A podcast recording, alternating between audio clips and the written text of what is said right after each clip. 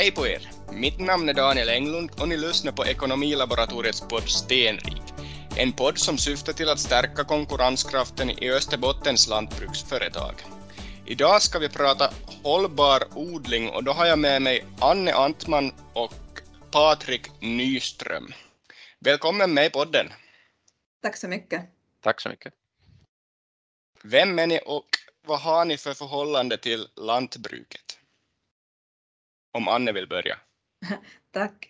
Ja, alltså jag heter Anne Antman och uh, vad ska jag säga, mitt förhållande till lantbruket när jag var barn och ung så var det hemskt praktiskt. Jag är mm. uppvuxen på en liten lantgård i östra Nyland. Mina föräldrar hade golvhöns och odlade mest spannmål och sen uh, potatis och sånt i husbehov. Så jag har sen liten då lärt mig plocka ägg och sätta potatis och sen som lite äldre köra traktor och vara i torken och köra skördetröska och så vidare. Att jag är inte kanske en jättepraktisk person så det var intressanta utmaningar. Sen har jag studerat växtodlingslära och miljövård. Och det där, sen har jag förmånen i arbetslivet att jobba på olika sätt med jordbruk och miljö. Och nu så jobbar jag för eh, den här stiftelsen Baltic Sea Action Group. Och den här stiftelsen är en oberoende stiftelse grundad 2008 och den har som mål att främja Östersjöns välmående genom konstruktivt samarbete då med olika samarbetspartners. Och när det gäller jordbruket så gäller det ju då att hitta lösningar som är till nytta både för jordbrukaren och miljön. Och det där, jag jobbar för det här Carbon Action Svensk-Finland-projektet och vårt mål är att stödja jordbrukare som vill uh, förbättra åkermarkens skick och, det där, uh, lagra in kol i åkermarken. Och det här är ju då definitivt en sån här win-win situation att odlingen ja. uh, liksom blir bättre på det sättet och sen också kommer det miljönyttor. Och det här Carbon Action Svenskfinland-projektet är ett av många projekt på den här Carbon Action samarbetsplattformen som grundades av Baltic Sea Action Group 2017 och det där, nu finns det många projekt och många samarbetspartners och många finansiärer och många av de här projekten är också sådana forskningsprojekt och där är då målsättningen, huvudmålsättningen för den här samarbetsplattformen är att hitta lösningar som är, liksom främjar den här kolinlagringen i åkermarken. Och ett av de här projekten så handlar om att se hur den här kolinlagringen kan se ut på vanliga gårdar. Så det finns hundra okay. sådana pilotgårdar som um, då testar olika så här kolinlagringsmetoder. Och då okay. kan säkert Patrik berätta lite mer om uh, den biten sedan hur det är i praktiken. Ja, varsågod Patrik. Ja, alltså mitt namn är Patrik Nyström och jag är så här jordbrukare här från Nyland. Vi har ungefär 200 hektar här i, i Vihtis och jag har nu odla här på den här gården, det här är min sambos gård egentligen. Jag har egentligen inte studerat jordbruk eller alls utan jag har studerat ekonomi i Åbo Akademi. Precis, precis. Men sen träffade jag min sambo där i Åbo och sen bestämde vi oss något skede att vi fortsätter med det här jordbruket istället för att fortsätta med det ekonomiska yrket. Mm, ja, precis. Okej, okay, så, så det är ditt förhållande, du har inte ett så långt förhållande till lantbruket på det viset. Anne har ett ganska långt, långt ända sedan barnsben, men du har sen, sen alltså studietiden vi, i princip, eller? ja, alltså min familj har en liten gård i Åbolands skärgård, så där har jag nu varit okay. med som ganska ung nu. Mm, ja, ja, precis. Så jag hade någon lite hum om vad jordbruk är före vi börjar på allvar. Och vi ja, gör det här ja, alltså helt vi har inte något annat jobb, sidojobb utan det här, vi lever oss fullt av jord och skogsbruket. Ja, mm, precis, precis. Eh, Okej. Okay. vad tänker ni, eller vad kommer först upp i huvudet på er då jag säger eh, lantbruk, lönsamhet och eh, svensk Finland? Jordbruk är ju viktigt i svensk Finland um, och mm, vi har ju bra äh, liksom jordar och, och bra, bra klimat på det viset att odla. Mm. Och, och det här med lönsamhet det sa du, vad det sa, du sa lantbruk, lönsamhet och Svenskfinland, var det så du sa? Yes. Yep. det här med lönsamhet, så nu har det ju förstås varit uh, no, det vad man tänker på är väl det som pratas nu om mycket med prishöjningar och saker som gör det svårt, svårt för många gårdar. Uh, det är sånt som säkert behöver lösas på en, en lite högre nivå än vad jag jobbar. Att, uh, jag tänker kanske då ur det här relativa uh, odlingsmetodernas perspektiv att vad man kan göra på en enskild gård för att liksom förbättra lönsamheten, åtminstone i längden, så uh, där så pratar vi då alltså om relativa odlingsmetoder som då handlar om att rätta till bristerna i åkermarken. Och uh, det där, så när man då liksom sätter åkermarken i bättre skick och får en bättre bördighet och så vidare så med tiden så uh, får man ju då bättre skördar i växlande väderleksförhållanden, att, att, det där, att odlingssäkerheten blir bättre. Och det har jag förstått när jag då har hört och pratat med sådana jordbrukare som har testat på regenerativa odlingsmetoder, att det här är en, liksom en sån här viktig sak, att, att det där känns bra, att, att det där man märker att man kan själv mm. göra någonting och inte bara är utsatt för de här yttre, yttre faktorerna. Och sen annat som de har då sagt när det gäller lönsamheten, så det här med uh, också att man kan minska då på vissa utgifter, att det kanske ja. går åt mindre bränsle och uh, det mindre kostnader för konstgödsel och växtskyddsmedel och sånt när åkern sen då är i bättre skick om man har en mångsidigare odling. Och, och, det som också har nämnts är det här med arbetsmängden, att, att liksom man kan också kanske spara in arbete på vissa saker, att om man har då åkermarken i bättre skick, markstrukturen i bättre skick, så um, behöver man kanske inte bearbeta jorden lika mycket. Okay, och sen ja, kanske precis. också de här uh, arbetstopparna på det viset jämnas ut om man har en mångsidigare mm. odling. Att uh, det är åtminstone sådana saker som påverkar lönsamheten och, och så. Ja, precis. Så är, är lite det här att man själv kan, kan påverka och kanske minska de här eh, resurserna som kommer utifrån på det viset. Mm. Absolut, det där kan jag Precis. stämma jag på. Ja, ja. vad va, va, tänker du Patrik då jag säger alltså, lantbruk, lönsamhet och svensk Finland? Alltså det, lantbruk är nog ett sånt yrke som inte kommer riktigt vara de första som kommer att försvinna här från början. nej, nej, det kommer att finnas, alltid kommer vi behöva mat. Ja, det är ja. en sak som inte kommer att ändra.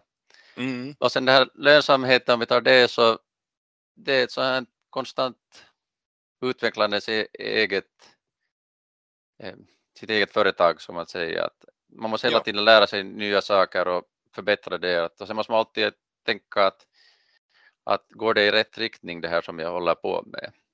Ja, precis. Att, precis. Sen löner, som vad vi gjort på vår gård så alltså vi räknar ganska aktivt det här att vad vi gör, att är det lönsamt? Kan vi ja. förbättra det? Mm. Att, eh, vi har ganska mycket minskat på bearbetningen och det har sen lett till att mindre traktortimmar, mindre bränsle.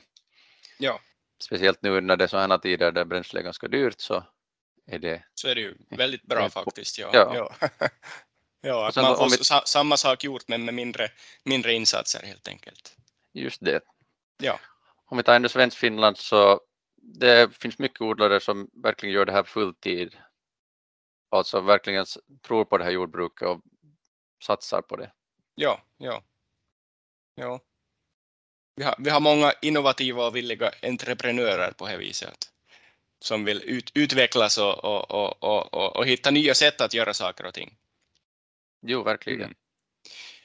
Okej, okay, tack. Eh, vad Anne, kan du berätta lite mera om, om det här Baltics i actiongruppen? Du nämnde nämnd lite, lite i början, men vad är egentligen den här visionen för hela, hela det här?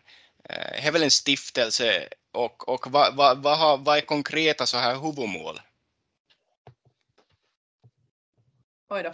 Alltså, eh, det är, då, det är en stiftelse grundad 2008 och som just då liksom har jobbat med också jobbat med olika saker.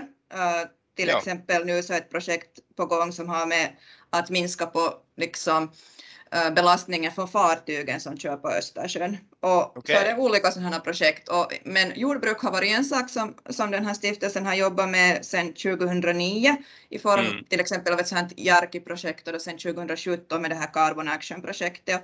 Och, och, det handlar ju då om att, att man vill liksom främja Östersjöns välmående på olika sätt.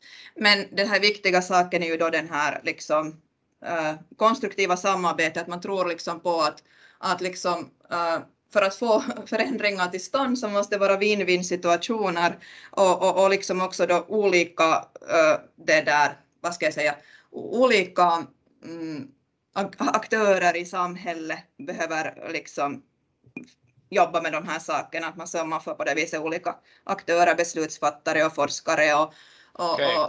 och, och, det där i det här fallet då jordbrukare och, och, och det där uh, rådgivare och så vidare, att man behöver liksom ha en sådan helhet som man mm. jobbar med. Så finns det till exempel också ganska mycket företagssamarbete inom, in, inom liksom Baltic Action Group och inom B, också den här Carbon Action samarbetsplattformen. Att, okay, att ja. det, det, jobbar jag inte alltså själv med så jag kan inte jättemycket säga om det men att här finns liksom ja. de här olika sakerna, att man jobbar inte bara med en sak utan det är viss, vissa viktiga sådana strategiska tyngdpunkter som också förstås kan då ändra med tiden. Ja. Uh, men, men den här Carbon Action just så, så där är det just den här då, uh, att man liksom försöker då främja den här kolinlagringen i, i åkermarkerna men att det är ju då också när vi pratar just om regenerativt jordbruk, alltså om man tänker kolinlagring så mm. uh, det är liksom ju möjligt i åkermarkerna liksom marken är ett stort kollager och när man odlar växter så tar då vid assimilationen då, eh, från koldioxid då, från atmosfären och binder det i sina kolhydrater och sen så småningom så äh, genom rotutsöndringar och genom den här biomassan så kan det lagras som kol i marken och då är det ju då bort från atmosfären och det är då äh, bra Äh, men det där, sen finns det ju då andra bra saker också som till exempel att om åkermarken är i skick äh, så då funkar det här bättre. Alltså man kan inte lagra in kol om inte åkermarken är i skick. Men å andra ja. sidan så om uh, det där, den här uh, kolinlagringen så den beror på många olika faktorer och alltid är det inte möjligt att lagra in mera kol i marken. Att, ja. uh, då, så vad heter det, tänker man då på också det här regenerativa, att då mm. är det liksom ett bredare begrepp, att man liksom på olika sätt kan förbättra den här åkermarkens skick och, och, och det där och till exempel uh, minska, minska den här, vad heter det nu, uh, till exempel utlakningen av näringsämnen från marken om den har en bättre mullhalt och uh, växterna mår bra och så vidare, så då hålls de där vattnet och, och näringsämnen kvar i, kvar i åkern och, och, och så, okay. och bra för, bra för växterna. Ja, ja, så det här regenerativ odling och uh, kolinlagring är inte automatiskt som li, lika, lika med tecken emellan utan, utan det no, kan alltså. Uh, kolinlagrande odlingsmetoder är också alltid regenerativa, men okay. mm. uh, liksom då, då den här bara liksom den här tanken att man, vad heter det nu, sätter åkermarken i skick och det är liksom samma de här huvudprinciperna. Det finns inte något sånt här liksom att recept att så här ska du göra. Ja. Uh, utan det handlar om att man hittar de uh, liksom verktygen som passar den egna gården. Att det finns liksom ja. en sån här verktygsback som man det där okay. uh, eh, på det viset väljer från att vad är det som passar då den här egna gården och, och så. Ja, Ja, precis. Var det, var... Har, har ni de här verk, den här verktygsbacken, finns det på, på hemsidan er eller kom, hur, hur kommer man över de här verktygsbacken om man skulle vilja börja med regenerativ odling och fundera lite kring sin kolinlagring på, på det här? No, ett, ett bra ställe att börja, så det har gjorts en sån här uh, onlinekurs som är helt gratis. Uh, okay. Den är gjord för uh, då, finländska jordbrukare, den finns på svenska och finska och den heter Grunderna i regenerativt, regenerativt jordbruk. Yes. Uh, lite svårt att uttala, men i varje fall. Men det finns på www.regenerativtjordbruk.fi och där okay. finns det jättemycket information då om olika sätt då att äh, tänka kring de här sakerna och, och, och hur sätta åkermarken i, i, i skick och också om ekonomin och sånt. Och sen äh, på den här äh, www.carbonaction.org om man väljer svenska och särskilt under fliken material. Så där finns sen mycket guider om om det här kolinlagringen och om fånggrödor till exempel och om, om mm. det där betespraxis som lagrar in mera kol i marken och, och, och, det där och så vidare. Och, och det där, där finns också inspelningar till exempel från sådana webbinarier vi har haft där är om okay. markpackning och där är om fånggrödor och där är om markens mikrober och, och allt möjligt. Och till exempel så kommer vi nu när vi spelar in det här, så imorgon kommer vi att ha ett webbinarium om hur den här kolinlagringen i åkermarken mäts. Så den kommer ah. säkert att finnas där på webben när det här avsnittet okay. släpps. Så där ja, äh, kan ni äh, kan, kan äh, då jordbrukarna gå och kolla på de här olika materialen och, och, och ta till sig det som, vad heter det nu, känns viktigt för den egna mm. gården. Ja, det som passar på ens egna, egna gård och företag på det viset. Ja. Ni lyssnar på Ekonomilaboratoriets podd Stenrik.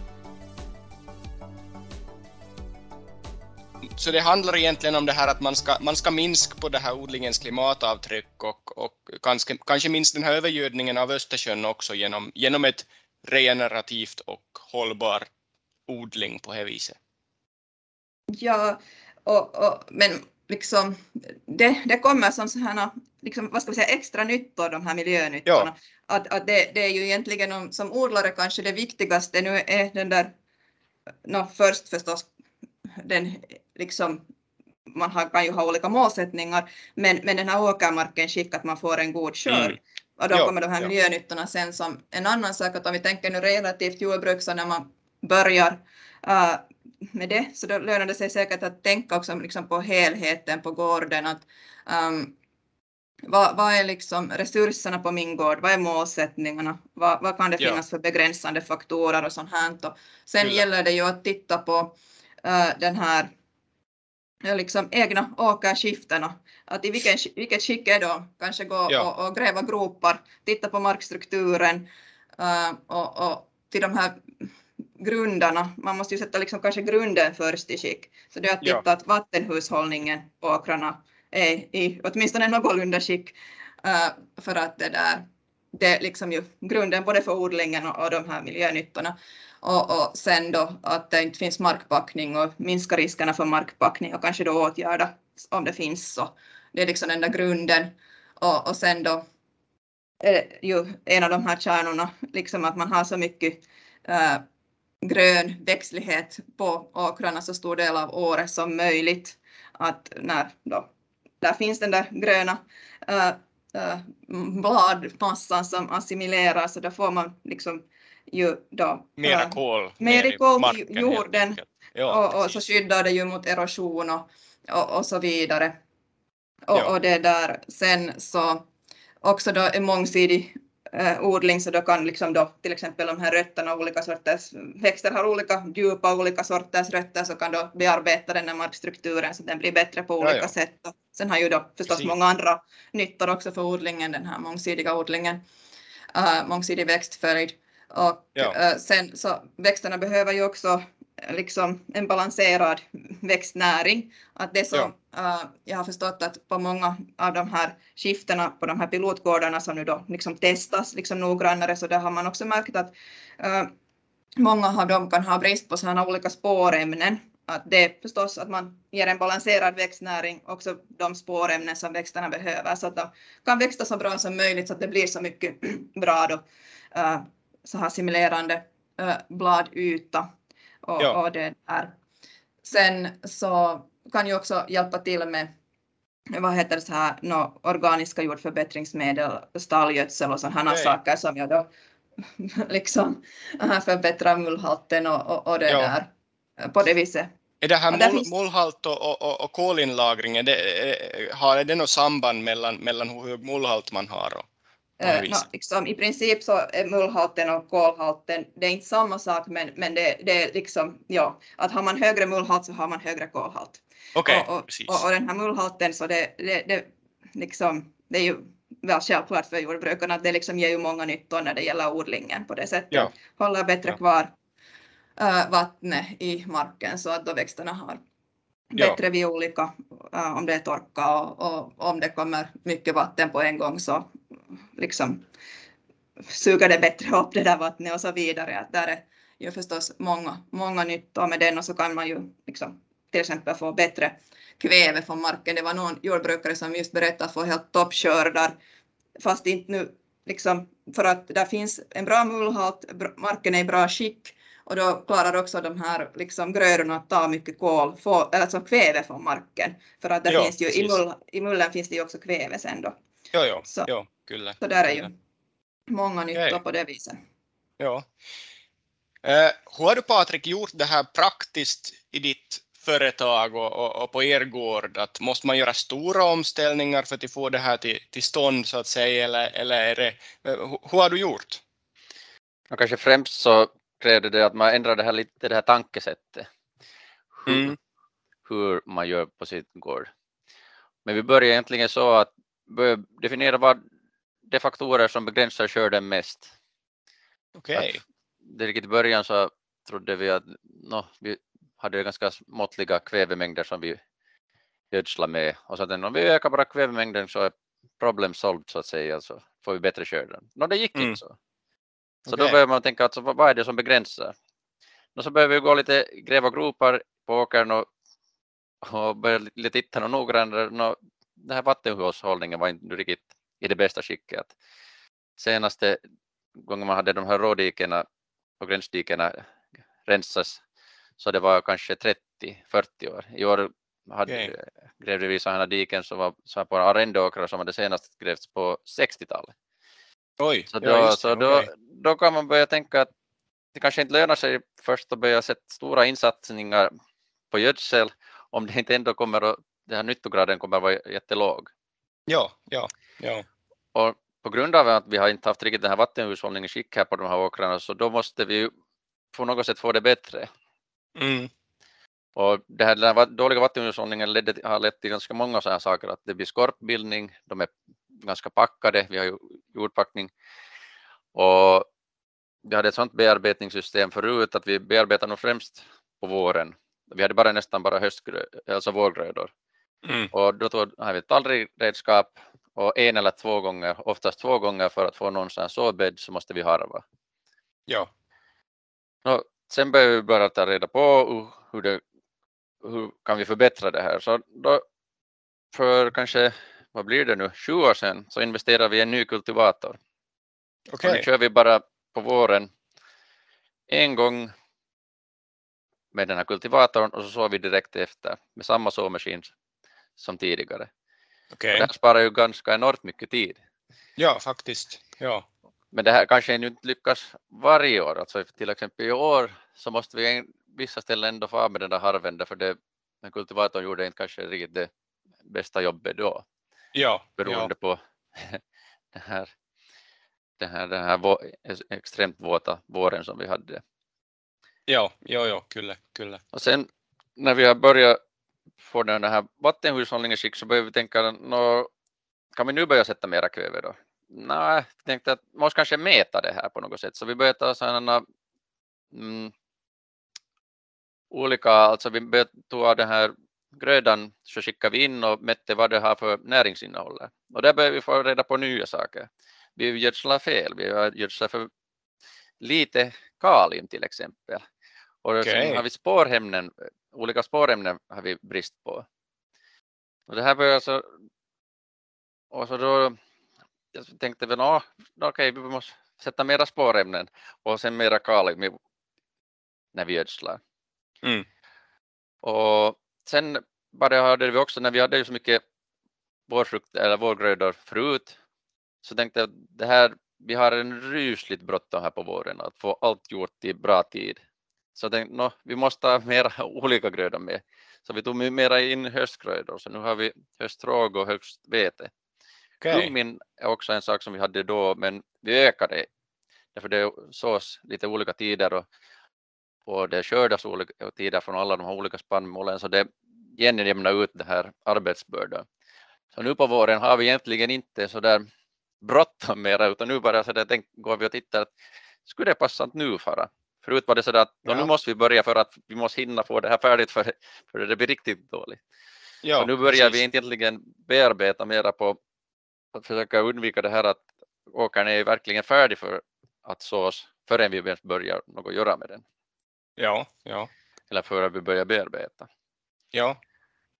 Och sen börjar vi också kanske, mm, har vi nu två, tre år kan man säga, tagit med in de här fånggrödorna. Just för att det, det håller det här, vi har hade också mycket problem med skorpbildning, att det kommer lite större regn så fick skorp, det skorpa på åkrarna, vi har leriga jordar så ja, ja, ja. det var ett problem också. Så nu de här fånggrödorna skyddar det här på hösten, därför vi avslutar dem endast här nu på våren och så de skyddar den här åkern så länge som möjligt och sen förstås så samlar den ihop näringsämnen och frigör dem sen på följande år. Okej, okay. så ni sår in de här höstgrödorna rakt i, i, under det här bottengrödan så att säga, eller? Ja, alltså samtidigt som vi sår huvudgrödan så då sår vi också den här fånggrödan. Förutom jo, i höstvete så okay. vi har en vält som vi har en sån pneumatic såmaskin så vi välter alltid höstvete på våren och då sår vi in samtidigt den här fånggrödan. Ja, ja, precis. precis. Och det har nu funkat hittills man vet inte, man måste ju hela tiden förbättra den här verksamheten också. Att... Ja, ja, ja, ja, så är det förstås. Ja. ja, kyllä. Så egentligen är det inte så stora omställningar ni har gjort, utan det är mer, mer så här detalj, detaljer. Ni har bytt tall, från tallriksredskap till, till kultivator och, och, och, och så vidare. Eh, och lite bottengrödor och, och, och lite eh, an, annat smått och gott. Men, men det här en sak jag funderar på var att du sa att ni har ganska leriga jordar. Eh, fungerar det här ert tillvägagångssätt även om man har lättare jordarter eller skulle du säga att man måste gå tillväga på något annat vis då? Mm, nej, egentligen därför vi har också lättare jordar, men kanske ska jag säga sådär att 70 procent är lerjordar och 30 procent okay. är lättare jordar. Ja. Att på både, vi kör nu samma recept på alla åkrar men det har vi kanske nu börjat märka sen igen att vi, när vi har minskat på den här bearbetningen att, att vi egentligen bearbetar endast på hösten när vi ska så några höstgrödor. Men vi egentligen kanske borde börja också lite bearbeta på höstarna mera och sen lite djupare. Okay. För vi har lite sådana här packningsproblem ännu på vissa åkrar. Att man, ja. Det går inte bara så där att man flyttar allt. Man måste alltid lite se enligt åkern att vad är behovet Ja, och allt det, där bara, det här att minska bearbetning är ju det att man sparar ju på åkern på så att säga att alltid när man bearbetar så frigörs det kol. Men om, men om man har, om jorden är packad så då binds det ju ingen kol och då kanske det lönar sig att få bort den där packningen. Och sen... Ja, precis. Att, att det här nettonyttan är större på det viset fast man ja. gör en bearbetning. Jo, och då får mm. man ju det här i, rulla i rätt riktning så att säga. Okej. Okay. Ja.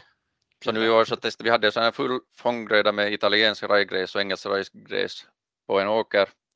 Och så körde vi bara med den här kultivatorn ganska djupt, en sån dryga 15 cent. Så bara egentligen ja. med smala spetsar, bara, så egentligen bara för att luckra upp den där jorden. Jo, ja. Och så började den, gjorde det ganska tidigt så den här fånggrödan började växa på nytt så att det binder ihop det, att det inte kollapsar sen. Okej, okay. Okay. Mm, mm.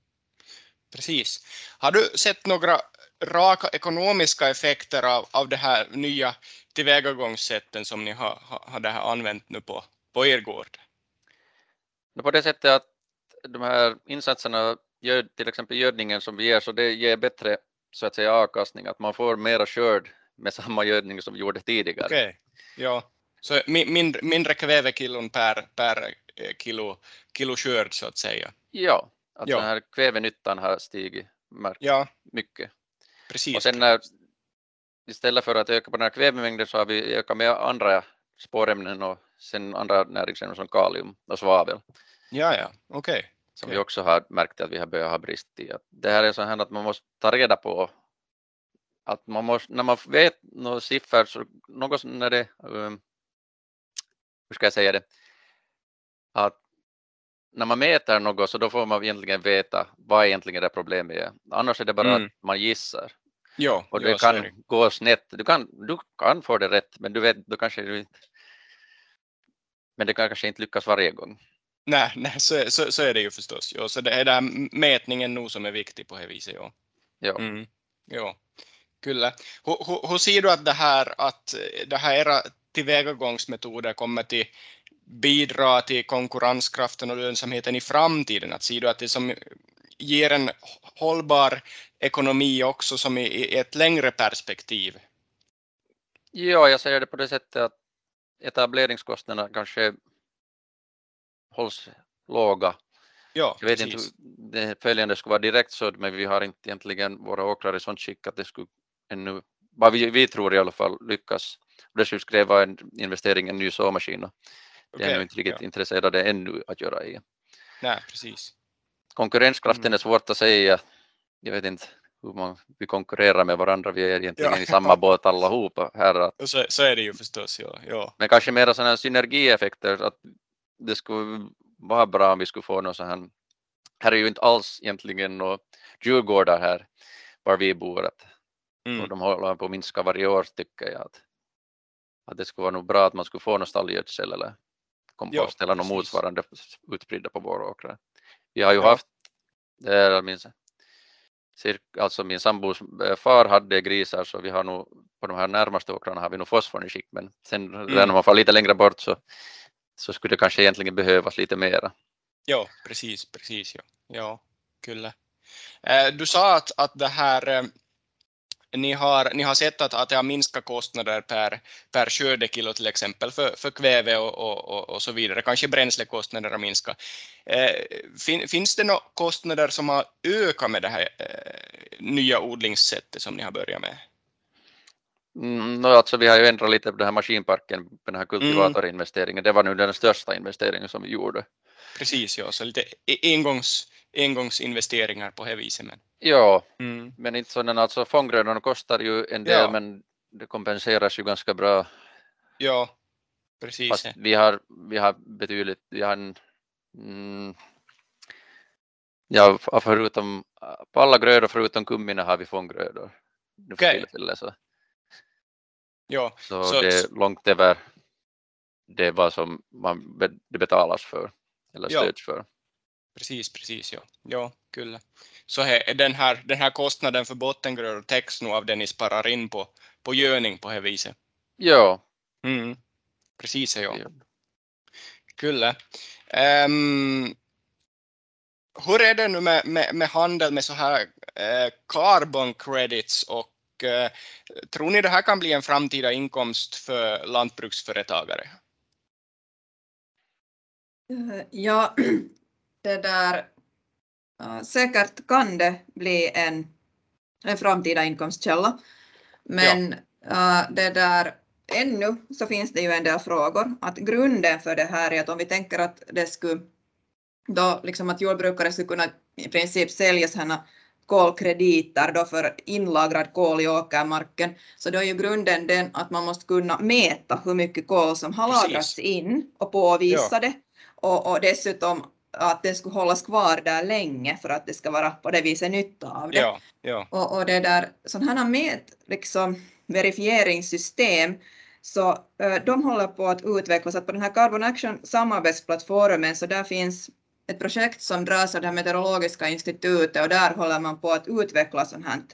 Men, men det är Nej. inte liksom färdigt ännu.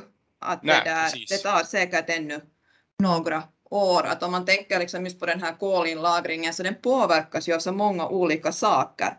Att ja. äh, olika, alltså man har samma fast odlingsmetoder så olika år kan den här kolinlagringen vara väldigt olika beroende på väderleken. Mm. Sen så kan det vara olika på ett skifte jämfört med grannskifte därför för att jordarten är olika, att olika jordarter har olika förmåga att lagra in kol det kan vara inom samma skifte också olika jordarter som har olika förmåga.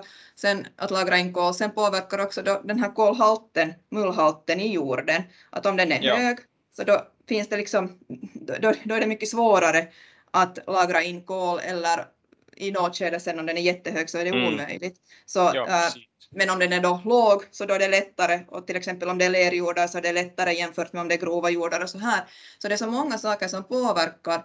Så Mm. äh, det där då, för att veta exakt hur mycket kol som har lagrats in, så då måste man ju liksom kunna mäta det noggrant. Ja, och Äh, per för att den som sen- nästan också säkert. Att, att för, att kunna, för att kunna sälja dem måste man ju nästan kunna mäta det årsvis. Att det här, Man, må, ja. man, måste veta det där, liksom, för att Ja. de som köper det så vill ju veta exakt liksom, hur mycket det är. ja, och, och det där uh, sen så också att det då hålls kvar länge och uh, till exempel en jordbrukare så hur länge kan man förbinda sig till vissa odlingsmetoder som håller kvar det där liksom kolet där i marken att kan man förbinda sig till 20 år? Det kanske är lite omöjligt för en jordbrukare och då måste det liksom beaktas till exempel sen i den här K-kreditens pris som ju inte Ja. heller nödvändigtvis är jättehögt att är det Ja. sen då lönsamt? Att, att de här sakerna så måste liksom, för det första just det här mätningssystemet måste utvecklas, det liksom hjälper inte med att ta ett jordprov här och där, utan liksom man behöver också ha då liksom en sån här Ja, det som nu, jag, jag förstår inte allt i det här mätningssystemet, men, men det där uh, förstås man behöver jordprover, men sen behöver Ja. man också sådana liksom andra data från andra ställen, från till exempel satelliter och, och, nät, liksom att hur mycket uh, finns det grön ma- assimilerande ma, liksom, ja, gröda där och, och temperaturer påverkar, allt sådant som måste mätas. Och så kan man göra Ja. sådana olika modeller och förutspå hur mycket som då sen kan lagras in och de här sakerna så eh, som sagt, vi ska ha imorgon ett webbinarium om det, så efter imorgon Ja. så ska jag säkert veta mer om den här saken. Men det kan ni då alla gå och kolla på sen där på ja, carbonaction.org och, och där under sen material. Men i varje fall, så det här håller på att utvecklas och de här sakerna så, vad heter det nu, behöver komma lite framåt och sen just sådana här olika frågor be- behöver också ta ställning till ännu liksom att äh, till exempel så så här som rättvisefrågor att om man har gjort redan mycket och har en hög kolhalt så då kanske det är svårt Mm. att lagra in mera och då kan man inte Ja. sälja lika mycket kolkrediter som till exempel att om man har en väldigt låg kolhalt och kanske har odlat bort det där kolet. Liksom, ja, så då kanske det är lättare, men är det liksom rättvist? Att sådana här saker, Ja. så säkert finns det lösningar på de här sakerna. Men, men det liksom behöver ju liksom diskuteras och det behöver finnas sen då gemensamma liksom standarder och så vidare. Att, Ja. eh, och liksom också över liksom nationsgränserna på det viset och så där. Att ja, det där, precis. De här sakerna är sånt som behöver funderas på. Att det som kanske nu idag redan är möjligt, eh, så det, eh, eller visst finns det säkert, det finns också ute i världen sådana system som, som det där, liksom testar på att just sälja sådana K-krediter, men att få verkligt på riktigt på riktigt liksom veta exakt så där kanske ännu behövs mera forskning och system. Men det som då kanske idag är då mera möjligt är att eh, om då vissa företag till exempel vill betala mera för en gröda eller en produkt Mm. som då har odlats på ett visst sätt, att även om vi inte vet exakt hur mycket kol som lagras in på Ja. just det här stället, så vi vet ju ännu, liksom forskningen har ju kommit fram ganska långt när det gäller många metoder, så vi vet liksom att vilka metoder som liksom för åt rätt håll. Så där, Ja. där finns det ju exempel idag då redan på sådana Precis, liksom precis premier ja. Man som- kan göra en viss kanske certifiering inom citationstecken, att man vet att den, den här odlingssättet binder kol i marken på det viset. Ja, Mm. men att det, det är inte sen då exakt. Men det här är då olika möjligheter och, och Ja. säkert i framtiden mera, men att äh, Ja, li, lite, lite finns det med- att utveckla. Hur tror ni branschen måste utvecklas kring hållbarhet för att vara konkurrenskraftig i framtiden? Alltså, nu tänker jag konkurrenskraft på hela finländska lantbruket på det viset. Att Hur, hur- hur ser ni, vad är er vision att, att, att, eh, kring, kring det här hållbarhet i, i lantbruket? Om Anne vill börja. Igen. Um, uh, nå, det där, ja, alltså jag tror ju nog att just det här med uh, åkermarkens skick är jätteviktigt. Att om vi tänker nu på uh, att vi har redan sett liksom att väderleken inte nödvändigtvis alltid är så optimal under odlingssäsongen. Ja. Det kan bli mera extremväder när, klimatförändringen tyvärr går ännu framåt.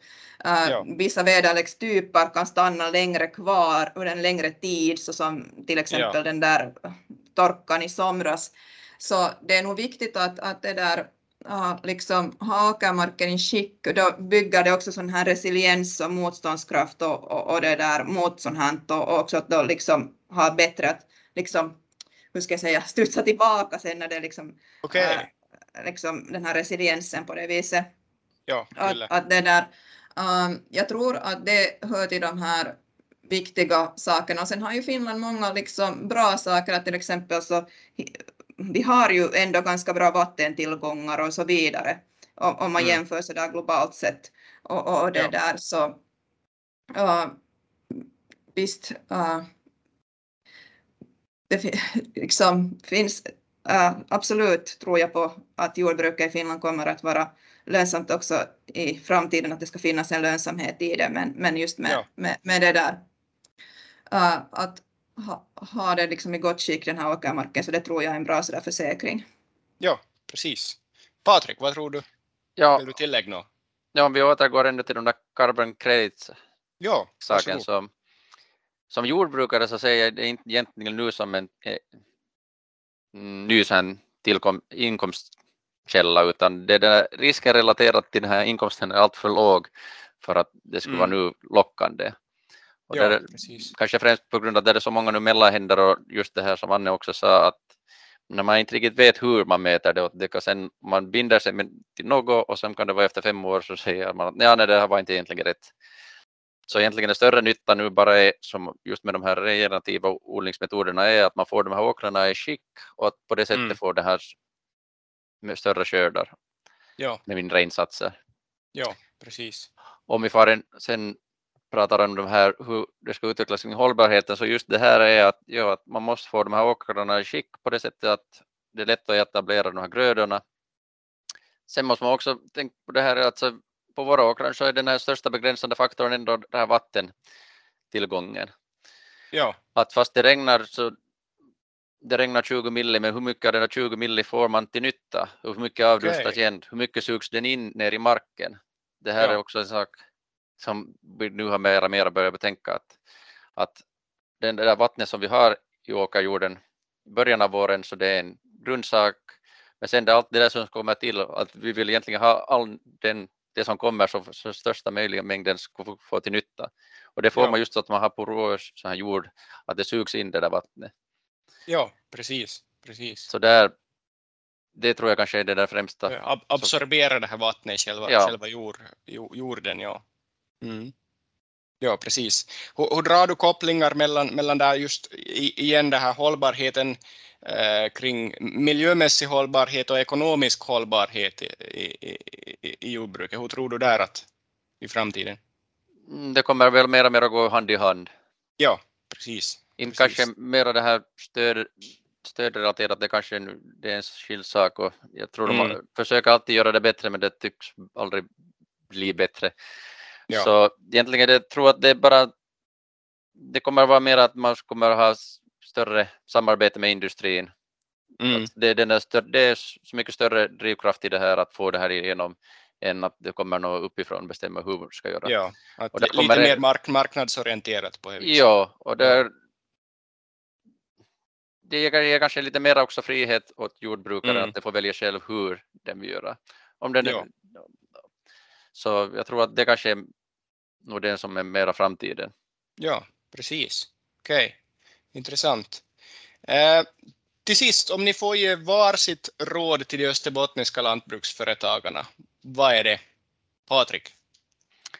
Ja, no, jag skulle säga bara det att prata med andra jordbrukare och från andra håll och följa med vad, andra, vad, vad händer runt om i världen att, och, och pröva, våga pröva på nya saker och skaffa ja. erfarenheter om vad ni gör och skaffa information.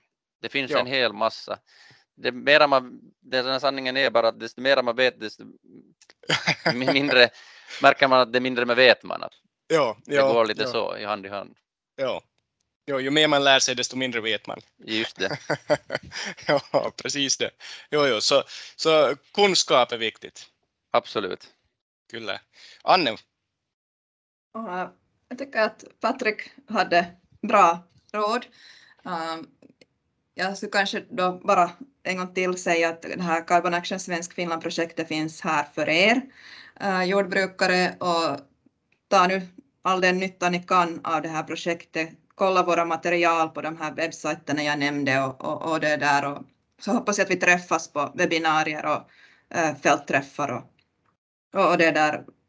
Uh, det är liksom helt onödigt det här projektet om, om inte ni liksom får, får uh, ut av det uh, Ja. nytta för er egen del. Så det, det hoppas jag att ni, ni vad heter det nu, uh, tar till er. Tack. ja. tusen tack för att ni ville vara med i podden. Tack, Tack. så mycket.